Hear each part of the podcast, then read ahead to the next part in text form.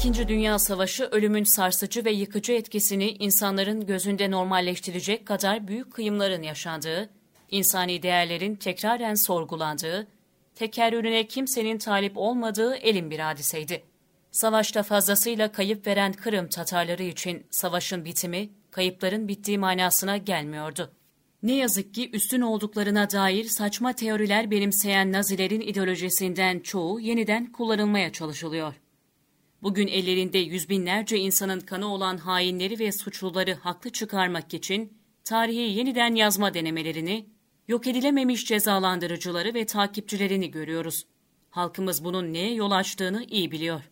9 Mayıs 2021 günü Rusya Devlet Başkanı Vladimir Putin, bu cümleleri Rusya'nın Zafer Günü kutlamalarında zikretti. 9 Mayıs 1944'te Almanya'nın resmen mağlup olduğunu kabul etmesi münasebetiyle kutlanan Zafer Günü'nün tarihsel olaylar çerçevesinde değerlendirilmesi halinde Rusya'nın ellerinde yüz binlerce insanın kanı olan sıfatından çok da uzak olmadığı görülecektir. Çünkü Rusya'nın yüz binlerce masumun yaşamını yitirmesine neden olacak sürgün emirlerini vermesi, söz konusu mağlubiyet ilanının hemen ardından gerçekleşmiştir. Hitler, Kafkasya'daki petrol yataklarına ulaşmak, Rusların Karadeniz'e hakim olmalarını engellemek ve Türkiye'ye diplomatik baskı uygulamak için Kırım coğrafyasına önem veriyordu. Haziran 1941'de Alman ve Sovyet orduları arasında şiddetli çatışmalar başladı. Doğuya doğru hızla ilerleyen Almanlar, Haziran sonunda Minsk'i işgal etti ve Ekim ayında da Moskova ve Leningrad yakınlarına kadar geldi. 30 Kasım 1941'e gelindiğinde Akyar hariç bütün Kırım Alman hakimiyetine geçti. Temmuz 1942 tarihinde ise Almanlar Kırım'ın tamamını ele geçirdi. Sovyet ordusu pek çok farklı milletten oluşuyordu.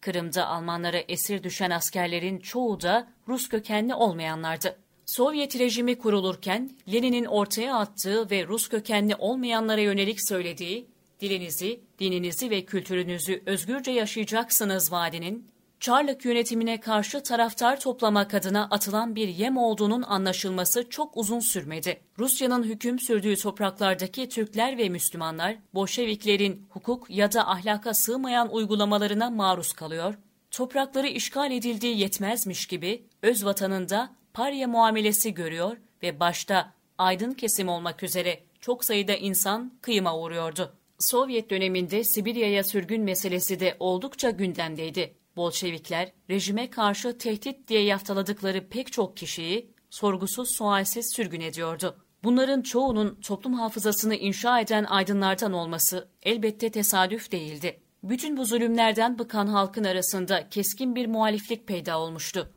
Nitekim ezilen toplumların önce gelen isimleri Rus baskısından kaçarak Avrupa, ABD veya Türkiye'ye gidiyor, burada çeşitli temaslarda bulunuyorlardı. Aydınların muhtelif temasları, Almanların Kırım'ı işgalinin ardından bir Türkistan lejyonu kurulması ve esir askerlerden oluşturulan kuvvetlerin Sovyetlere karşı kullanılması fikrinin oluşum aşamasında da etkili oldu. 2 Ocak 1942'de yapılan bir toplantı neticesinde Kırım Türklerinden gönüllü olarak asker alınmasına karar verildi. Savaşlarda esir düşen askerlere yapılan muamelede askerlerin bağlı oldukları devletin tutumu oldukça önemliydi. Sovyet rejimi esir düşen askerlerine hiçbir surette sahip çıkmıyor, onları adeta ölüme terk ediyordu. Esir olarak düşen askerlerden bizzat aktarılanlara göre temel ihtiyaçlarını karşılayamayan ve Alman askerlerinin aşağılık tutumlarıyla karşılaşan çok sayıda asker yaşamını yitiriyordu. Almanların yaptığı gönüllü asker olma teklifi en başta yaşama tutunmak için yeni bir şanstı. Ancak Türkistan Lejyonu'nda yer alan askerlerin başat motivasyonu, tıpkı Almanların servis ettiği gibi yurtlarını geri kazanmaktı. Görünüşte düşman safında olup yurda geri kavuşmak düşüncesi ne kadar enteresansa, Rusya'nın bu coğrafyalarda haklı bir hakimiyete sahip olduğunu düşünmek de aynı derecede uygunsuzdur. Kırım Tatarları ister Alman ister Rus safında yer alsınlar, her iki türlü de işgalci güçlere karşı savaşır durumdaydılar. Batılı kaynaklara göre Kırım Türklerinin yalnızca yüzde onu Almanlarla işbirliği içerisindeydi. Kırım Türklerinden Sovyet çetecileri arasında yer alanlar da vardı. Almanlarla işbirliği yapanların oranı tıpkı Rusya kaynaklarının aktardığı gibi isterse çok yüksek bir oran olsun, Alman safında mücadele verenler yine kadim bir düşmanın karşısına geçmiş oluyordu. Bu sebeple Rusya'nın kullandığı ve 9 Mayıs günü Putin'in zikrettiği hain yaftası, manasızlığını koruyor denilebilir. Almanların Kırım'ı işgalinden iki yıl sonra yavaş yavaş Sovyet güçlerinin üstünlüğü artmaya başladı. Kasım 1943'te Stalingrad'da Sovyet güçleri Alman ordusuna karşı kayda değer bir barışı elde etti. Burada Kırım'ın anahtarı olarak da düşünülebilecek Orkapı'yı ele geçiren Sovyet ordusu 10 Nisan 1944'te Kırım'a girmeyi başardı ve böylece Kırım bir diğer düşman unsurun eline geçmiş oldu. Almanların resmen mağlubiyeti kabul etmesinin ardından Sovyet yönetimi bütün Kırım Türklerini hain ilan ederek sürgüne tabi tuttu.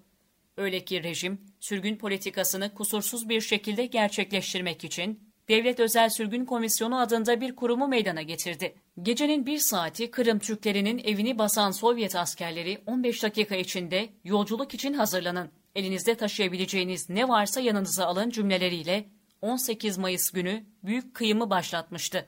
Askerlerin yolculuk dediği hayvanların taşındığı vagonlara insanları bindirerek Orta Asya'ya kadar sürmekti. Yolda yüzlerce insan yaşamını yitirdi. Yolda ölmeyenlerin çoğu da gittikleri coğrafyaya uyumsuzluk ve bakımsızlık gibi faktörlerden dolayı hayatını kaybetti. Almanların işgali esnasında Alman ordusunun mensupları da Kırım coğrafyasında çoğu kişiyi öldürmüştü. İkinci Dünya Savaşı ve savaşın yaşandığı bölgelerde kıyıma uğrayan pek çok insanın kanı, Putin'in de dediği gibi, üstün olduklarına dair saçma teoriler benimseyen Nazilerin ideolojisinden kaynaklanıyor olabilir. Ancak Büyük Rusya idealiyle hiçbir hak talebinde bulunması mümkün olmayan coğrafyalarda yaşayan halklara baskı uygulamaya devam eden Rusya'nın başkanının bu konu hakkında iddialı cümlelere yer verebilmesi yalnızca çelişkiden ibarettir.